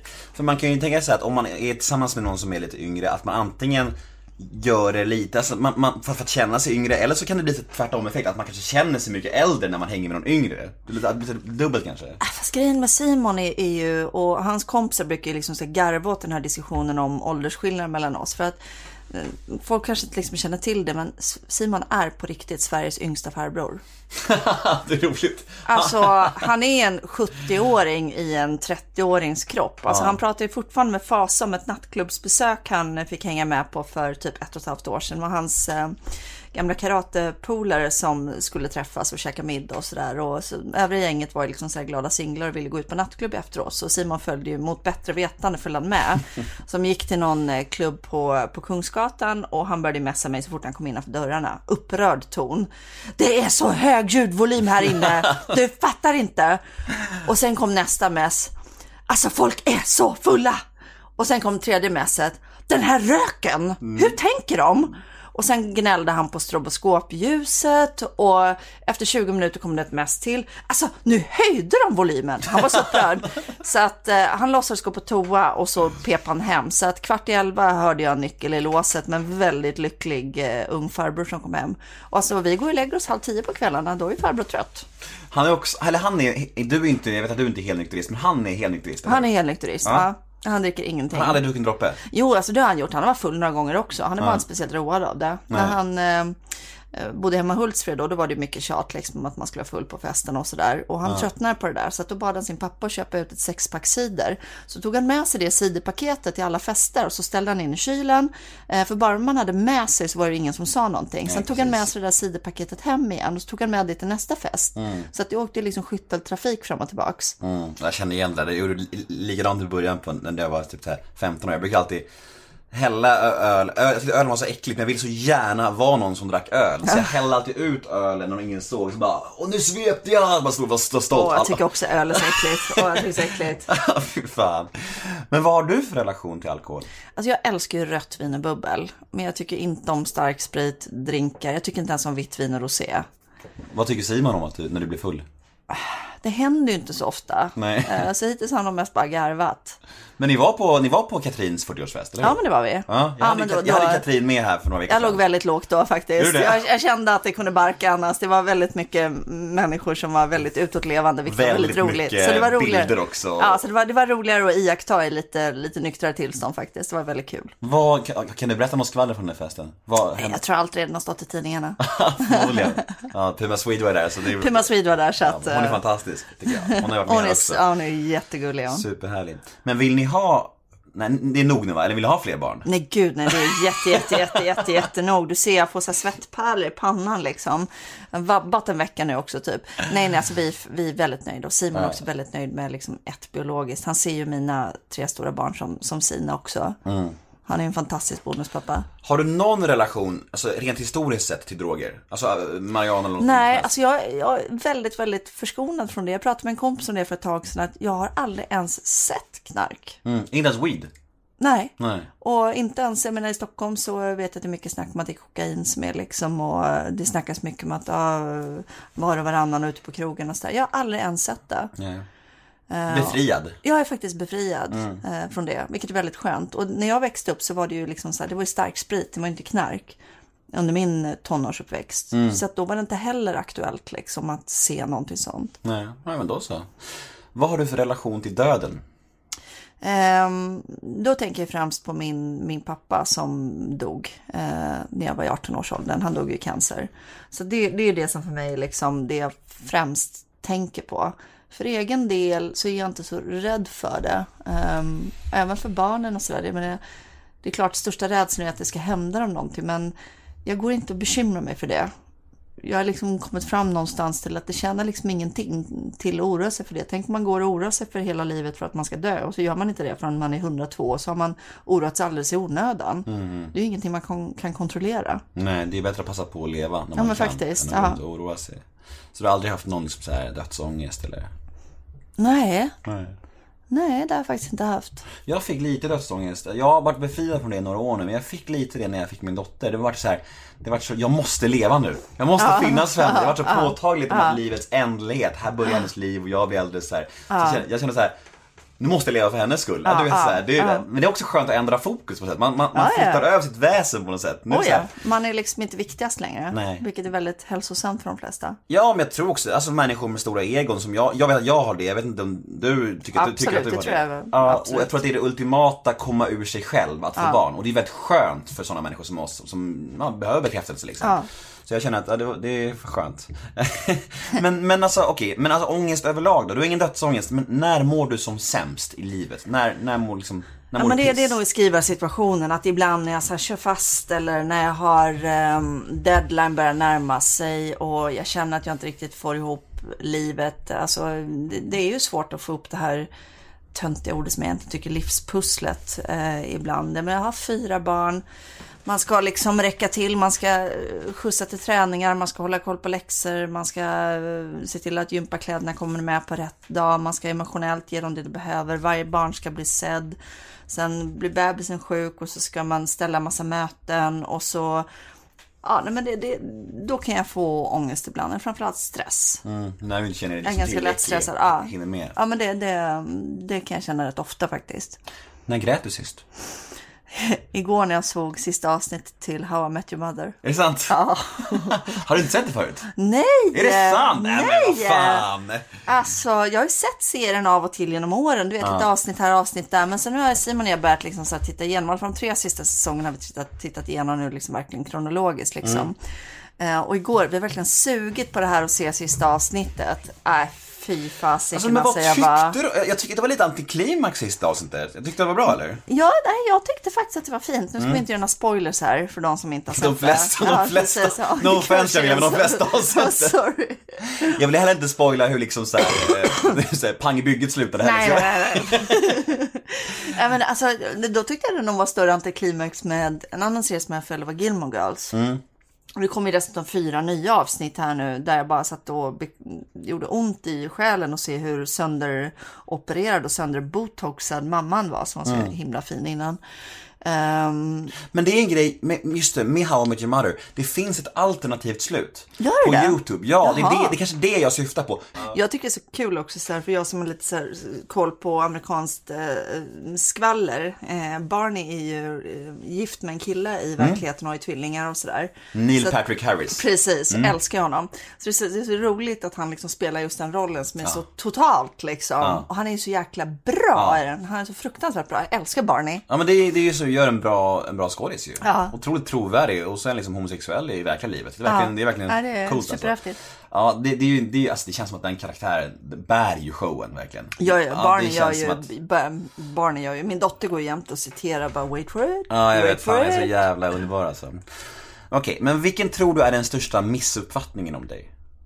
Jag får ju ofta höra så här, folk som träffar mig säger ju ibland så här rakt ut till mig att "Ja, du är riktigt trevlig, jag trodde du var fett dryg. jag vet inte. Och det är så här, man är så här, hur ska jag ta det här, liksom? Hur ska jag ta det här? Jag hatar det där, för det är så här omvänd komplimang. Ja. En komplimang med klacken typ. Ja men sen får jag höra att jag är väldigt kort ibland också. Ja. vad liten du är kan folk komma fram till mig och säga också. Hur lång är du? Eh, 1,62. Så jag Men tycker inte jag är jätteliten men väl man ser väl längre ut på tv kanske. som Ja, lite så. Ja. Men jag, ty- jag tycker det där är så svårt för jag får också höra jättemycket så här, jag trodde ju att du var, jag, men my- mycket förr och så här, jag trodde du var i, jag har hört från flera stycken att du var där och då blir det så här, men vad då? Är det den här komplimang eller är det en diss? För det är både och egentligen ett. Ja. Det är så här, det är så här, det är, det är, det är, det är, då behöver man inte säga någonting alls istället. kan man lika gärna säga så här, fan du var ju härlig. Något sånt. Inte att andra tycker det liksom. Nej men det är så jättekonstigt. Sen, sen blir det så också att man känner ju ett ansvar att man alltid måste vara supertrevlig i alla lägen. För det blir väldigt lätt det här att folk säger att man är dryg. Jag ihåg jag bara så här, läste någon sån här blogg någon gång. Det var någon som hade hejat på mig i korridoren på bokmässan och jag hade inte svarat. Så att det blev liksom en helt så här A4 sidor lång utläggning om vilken dryg människa jag var. Och jag var så här, jag har troligtvis inte ens hört att människan har sagt hej till mig. Säger någon hej så hejar jag tillbaks liksom. Men jag har väl miss, jag har väl hört, jag har väl gått i egna tankar, hörde det inte så jag svarade inte liksom. Och då blev det liksom den här A4-sidan med att gud vad hon är dryg och nu tror hon att hon är någonting. Och därför känner jag liksom så jag skulle aldrig liksom våga vara det minsta, även om jag är en super, super, super dålig dag liksom. Så vågar jag aldrig vara annat än så här supertrevlig och översvallande. Känner du en skyldighet att du måste förklara dig då när en sån här grej händer? Går, går du alltid ut på Instagram och förklarar då eller, eller kan du bara släppa Ja men det liksom? kan du precis. Nej jag kan nog ganska, för, för sådana kommentarer kan jag få på Instagram också. Då kan jag ju förklara att men så här var det den dagen så.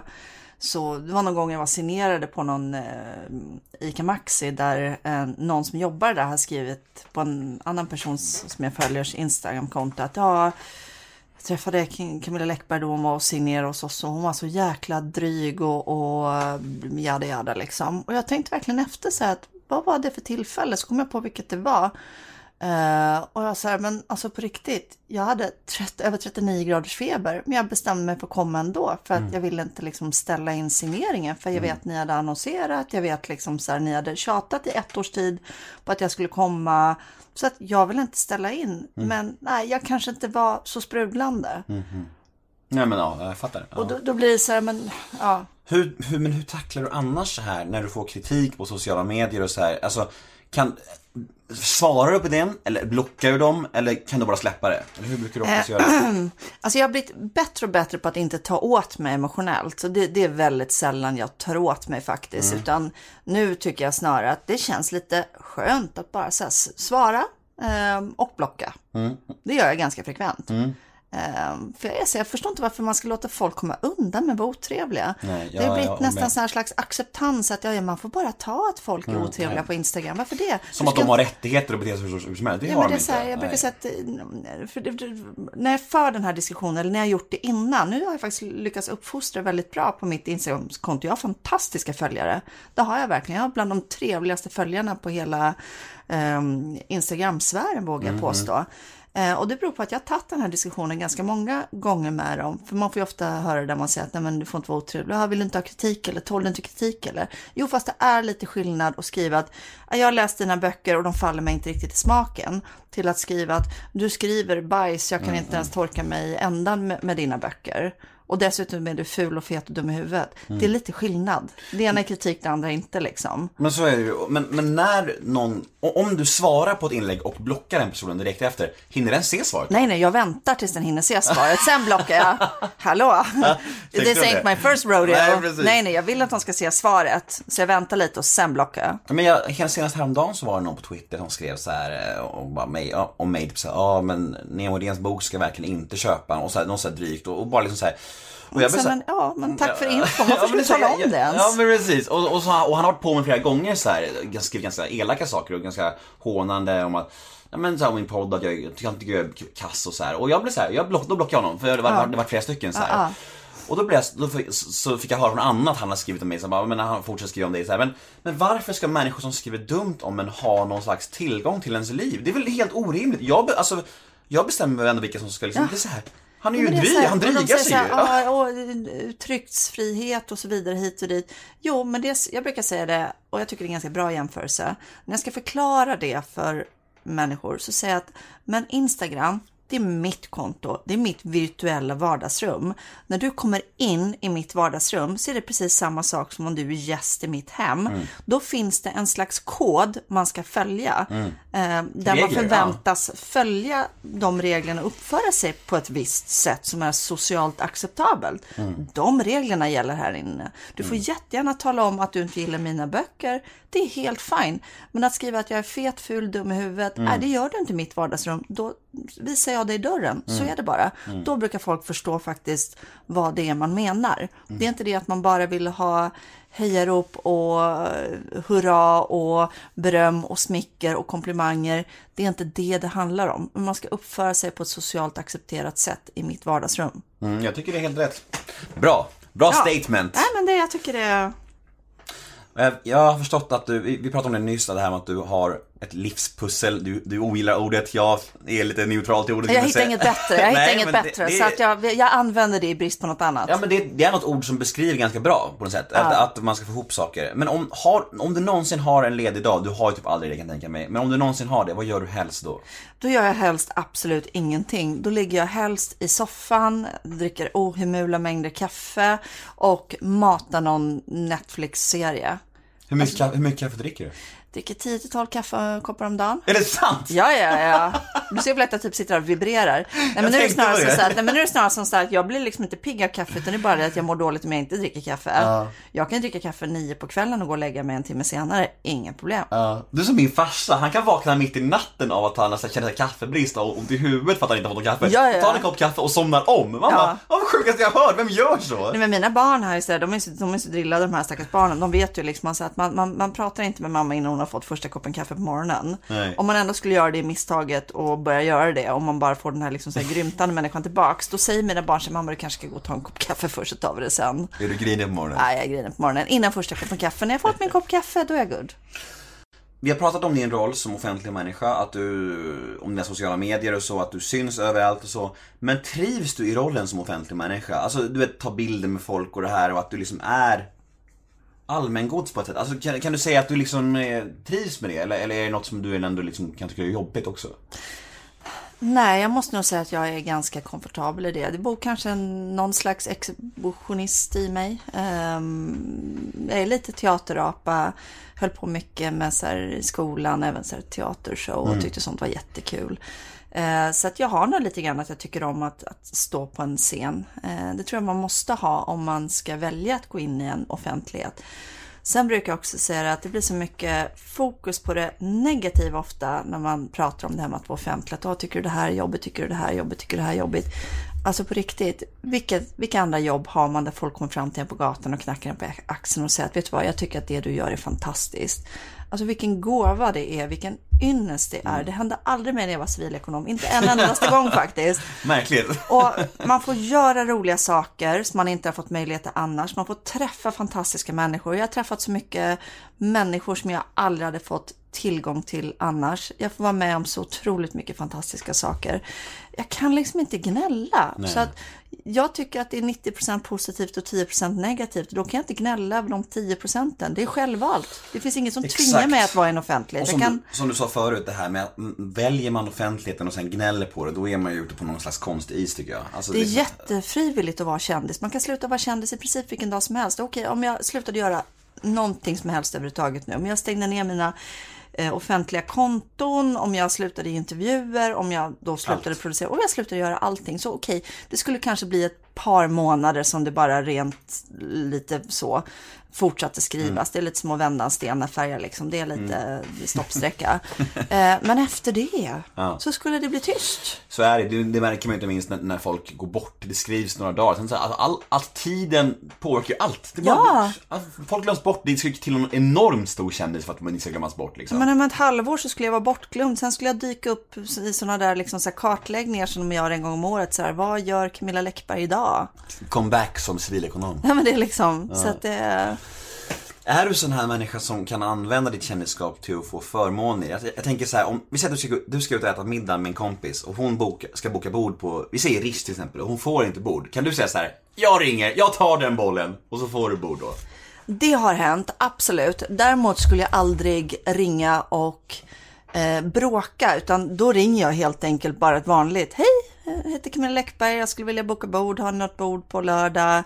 Svarar de ja då så bara jag liksom accepterar att okej, jag fick nog en liten chans nu för att det var jag. Eh, om de skulle svara nej så skulle jag aldrig, jag skulle hellre dö om de säger att jo, fast vet ni inte, hör, vet inte vem jag är. Eh, alltså, Har det jag aldrig skulle hänt någonsin? Vet du vad, jag har gjort det en gång. Eh, Berätta, och, snälla. Alltså jag har gjort det en gång och det var, jag skulle hämta ut ett paket på vårt lokala ICA. Det ösregnade. Eh, jag tog bilen dit, eh, jag sprang genom regnet, jag kommer in, du vet det är sån här paketutlämnings. Eh, jag kommer fram till kassan och inser att jag har glömt mitt lägg. Och jag står då inför att okej, ska jag springa ut igen i hällregnet, åka hem, hämta körkortet, köra tillbaks igen. Och det, jag bara orkar inte. Så att jag säger till killen som är i så 22-23 års åldern i kassan. Jag säger till honom, ursäkta jag ska hämta ut ett paket den här vin. eh, Men jag har glömt mitt lägg. Du känner möjligtvis inte igen mig. Han tittar på mig med fullkomligt tom blick och säger att nej. Redan där börjar jag känna att jag har lite ont i magen. Du vet, jag ångrar mig så bittert. Men du vet, då har jag liksom påbörjat processen. Så jag vänder mig om och tittar så här desperat bakom mig. Då står det två damer i så här 50-60 års åldern, min målgrupp. Och jag tänker att de här damerna kan ju liksom, så jag säger till dem så här, ursäkta, ni känner möjligtvis inte igen mig. De har samma tomma blick och säger nej. Fy fan, jag dör! Där vill jag dö. Vet, jag får så eksem nu bara jag liksom pratar om det. Till slut så, så här, damen som har kontoret där, hon garvar som hon håller på att dö. Hon lutar sig liksom ut från kontoret och bara, det är lugnt, jag vet.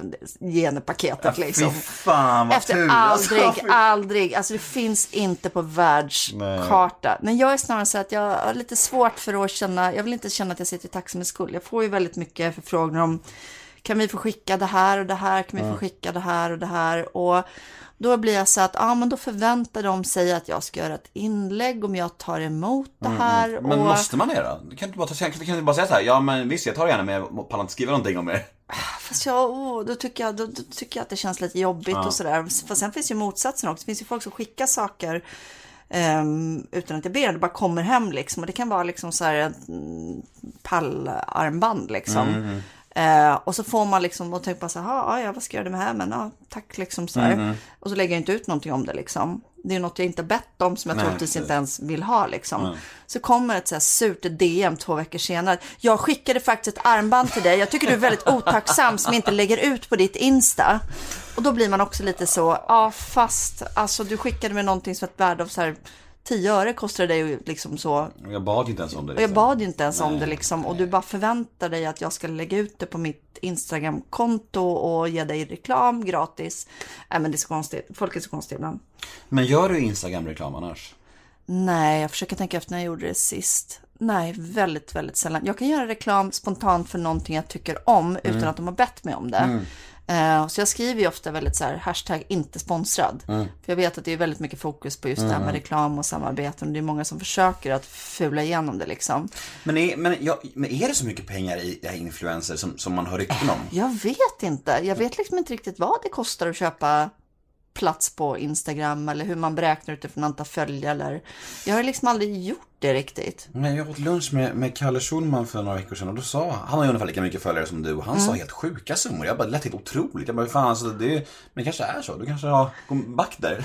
Fast jag, Jag känner att det, vet, det på det ja, men ändå, det kanske. klarar mig ändå. Men sen känner jag också så att mitt oberoende är värt Ja, mer. fattar, fattar. Då Mm. gör jag hellre liksom ett så här puffa för någon polare jag vet drar, i- håller på att dra igång en restaurang Mm. eller eller liksom så här som till exempel en sån här grej som jag gjort nu bara helt spontant var vi hittade en sån här fantastisk välling till Polly eh, och så här Otto-välling som hon älskar och den är så här superfräsch, den luktar fräscht till skillnad från de här pulvervällingarna som luktar hemskt, du vet ju liksom. Vi kan puffa för den här också då. Ja men, det, ja, men det är så här, och det är så här två entreprenörer, ett par som liksom driver det här själv, eldsjälar. Eh, och jag känner dem inte ens, men jag bara känner så att men jag lägger ut de här för de här behöver verkligen liksom puffen. Och då kan jag tycka det är lite kul att använda den konsumentmakten jag faktiskt har när jag tycker det är någonting bra. Mm, det är roligare och lyfta att fram det. Det är roligare att lyfta någonting man verkligen känner för än att, än att tjäna pengar på det. Ja. Och det känns inte som att du står och faller med det heller kanske. Nej, jag har liksom inget behov av det. Men alltså det är en sista grej där om, om att få förmånen att, att jag är lite kluven inför det där att, att, att så, folk som ringer och använder sitt namn. För att det är ju nå jag förstår ju, det är ju rimligt på ett sätt, men samtidigt så är det lite så här lite onajs att, att man får så här, bord för att man är känd när vanliga människor inte får det. det är, jag, Absolut. jag, jag, jag är ambivalent Absolut. där alltså. Fast jag säger, jag, ibland så vet jag ju inte, det kan ju ha blivit också ett bord ledigt precis när jag ringde eh, Precis. en timme senare. Så jag kan ju inte heller ifrågasätta, Nej. jag kan ju inte börja bråka med hovmästaren och säga att, fast vet du vad, min kompis ringde för en timme sedan, då fanns det inget bord så att eh, Fy fan hur jobbig Alltså, är man då? inte heller, hur jobbig är liksom. man då? Ja. Man bara, vadå nu får jag ett bord? Min kompis fick ju inte. Fett oskönt. ja, det, det går ju inte heller. Så där får man väl lite grann så bara Ja, köpa såklart. läget lite så. Jag har ett segment i min podcast som heter ett ord om. Mm. Det går ut på att jag säger fem stycken svenska kändisar och du ska säga första ordet som kommer i ditt huvud när du hör namnet. Mm. Är du med? Det är fem stycken kändisar som brukar uppröra känslor kan man säga. Yes. Ja. Alex Schulman, Snäll, Marcus Birro, förvirrad, Sara Larsson, grym, Jimmy Åkesson, nej tack, Leif GW Persson. bråkig. Vad har du för relation med GW? Men alltså, vi har en ganska komplicerad eh, relation till varandra på något sätt. Vi, vi har ju liksom så dansat med varandra rätt många år nu. Och alltihop började ju egentligen när han pratade om mig i en eh, tidningsartikel. Jag tror det var någon affärstidning, jag kommer inte ihåg vilken. När han då började prata massa om mig, eller massa var det väl inte, men det kändes lite så. Ehm, och bland annat sa du att eh, han tycker att jag skriver som en novell i min häst. Och jag, jag blev rätt sur faktiskt. Jag tycker liksom att kollegor ska hålla ihop. Jag tycker inte vi ska sitta offentligt och snacka skit om varandra. Eh, så jag blev rätt sur och tänkte, fan ska jag komma åt gubbfan? Eh, och lite extra ledsamt eftersom jag alltid varit ett stort fan eh, av Leif GW. Jag tycker Ja, att då han är briljant. Ja, men Ja. lite så här, jag har alltid älskat hans böcker. Så det var lite så här, ja, jag tyckte det var jävligt onödigt. Men jag tänkte så att, ja, men jag ska inte så här gå loss. Jag ska sköta det här på ett elegant sätt. Och jag tror ju mycket på att använda humor för att liksom make a point. Jag gör jätteofta det. Eh, Så att jag beställde en ettårsprenumeration av min häst och fick det skickat till hans dåvarande kontor på Rikspolisstyrelsen. Eh, Och det där tyckte han var ganska roligt. Så att vi, då fick han liksom någon slags lite så här halvrespekt så. Ehm, men sen kan, och eh, när vi träffar varandra så är han ju väldigt liksom trevlig och jag Mm. tror att han har någon slags respekt för mig ändå. Mm. Men han är tävlingsmänniska, jag tror inte riktigt han gillar att jag säljer bättre än honom. Jag tror Det det du, där skon klämmer, ja det är jag. Ehm, Så att, ehm, ja, jag tror det är tävlingsmänniskan i honom som tycker att det är lite jobbigt. Så vi har en lite komplicerad relation. Men jag, fan, jag, jag gillar ju gubbjäkeln ändå, så jag gör ju det. Säljer ju bäst i Sverige. Just nu ja. Fan, det är ju fett alltså. Gra- grattis, det är ju stort ju. Ja, men så länge inte Zlatan kommer någon bok så är det lugnt Ja, liksom. precis, precis. Vi har lite frågor eh, som jag fått mail från folk som eh, jag tänkte avsluta podden med. Några stycken här. Jag börjar med första då. Hej Camilla, jag vill veta massa om hur du tänker kring barnuppfostran. För du provocerar ju mycket och det är kul. Till exempel varför eh, hon vill straffa sina barn när all forskning visar att bestraffning inte hjälper. Ja men den där frågan såg jag. Och det är så här, nej, all forskning visar inte att eh, bestraffning inte hjälper. Och det handlar inte om straff, det handlar om konsekvenser. Så är det hela livet, att väljer man en handling så väljer man också en konsekvens. Och det har blivit så här som till exempel, mina barn har iPhones och iPad. Eh, det är ingen mänsklig rättighet. Speciellt inte när man är så här 8, 13 och 15. Det är verkligen ingen mänsklig rättighet. Det är ett privilegium som de åtnjuter beroende på hur de sköter det de ska sköta i livet beroende på ålder. Så att till exempel om de inte sköter skolan, då anser jag att då har man inte rätt till sin iPhone slash iPad och då tar jag den, för jag betalar för den, och lägger undan den tills man börjar sköta sig. För mig är det så här grundläggande konsekvensinlärning. Det är inte ett straff. Det är inte så att jag liksom slänger ner dem i källaren med vatten och bröd. Nu bor i och för sig dottern i källaren då, men så den, den blir lite felinriktad. Vi kallar den för källarbarnet. Eh, men nej, alltså för mig den här eh, diskussionen så konstig. Det är som de här föräldrarna man träffar på också som säger att jag tror inte på att säga nej till mina barn. Man bara, nej men lycka till då. Ja, jag, jag, jag är med dig här. Jag måste säga det. Jag kommer... Vi är en förlorad generation eh, föräldrar just nu vad gäller barnuppfostran. Jag ser så mycket ouppfostrade barn. Deras föräldrar tycker bara att de är livliga och härliga. Eh, rätt många runt oss tycker att de är fruktansvärt ouppfostrade och omöjliga att ha i möblerade rum. Vi tycker om konsekvenstänk och vi tycker om Anna Wahlgren. Ja, Men ja, det, Står, det står vi för också. Mm. Och jag pratar inte om barn med diagnoser nu, för det får jag ju ofta. Nej, verkligen inte. Ja, men barn med diagnoser och det syns inte ut på. Nej, fast man brukar ofta se hur föräldrarna liksom så hanterar situationen också. Det är bra att du safear. Ja. Eh, fråga två. Kommer fler böcker att bli filmer? Det hoppas jag på. Eh, Vi för en del diskussioner, vi får bara se vart vi landar någonstans. Eh, Jag tror definitivt att det kommer bli fler filmer. Det är väldigt roligt när böckerna blir film.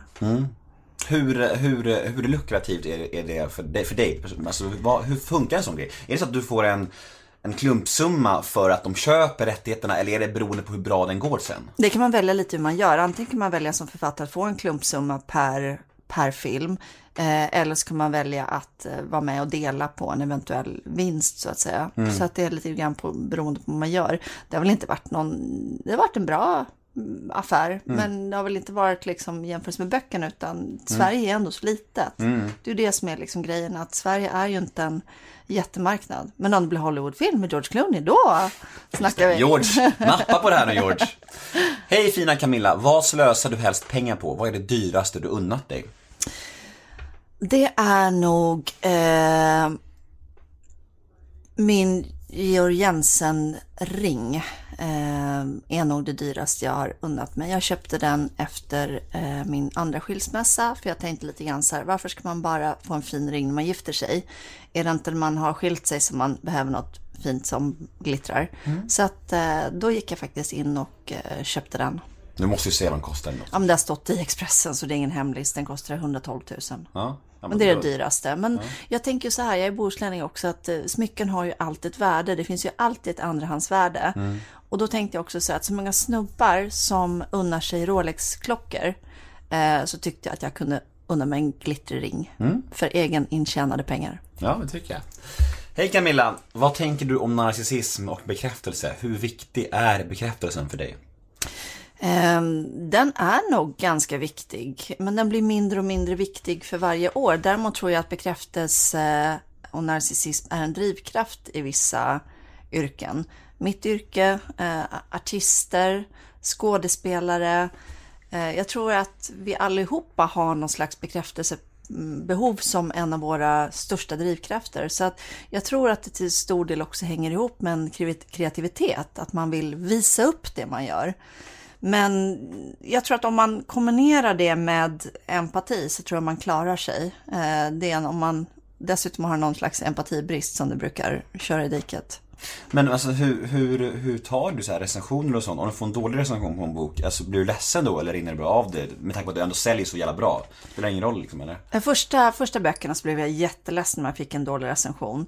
Nu har jag lite grann faktiskt shut the fuck up antal läsare. Så att jag kan ju ganska lätt säga till mig själv att jo, fast Någonting har jag nog. det är en person på en redaktion som inte tycker om min bok, men 22,5 miljoner människor plus ja, gånger 2, 2,5 Ja. tycker faktiskt om det jag gör.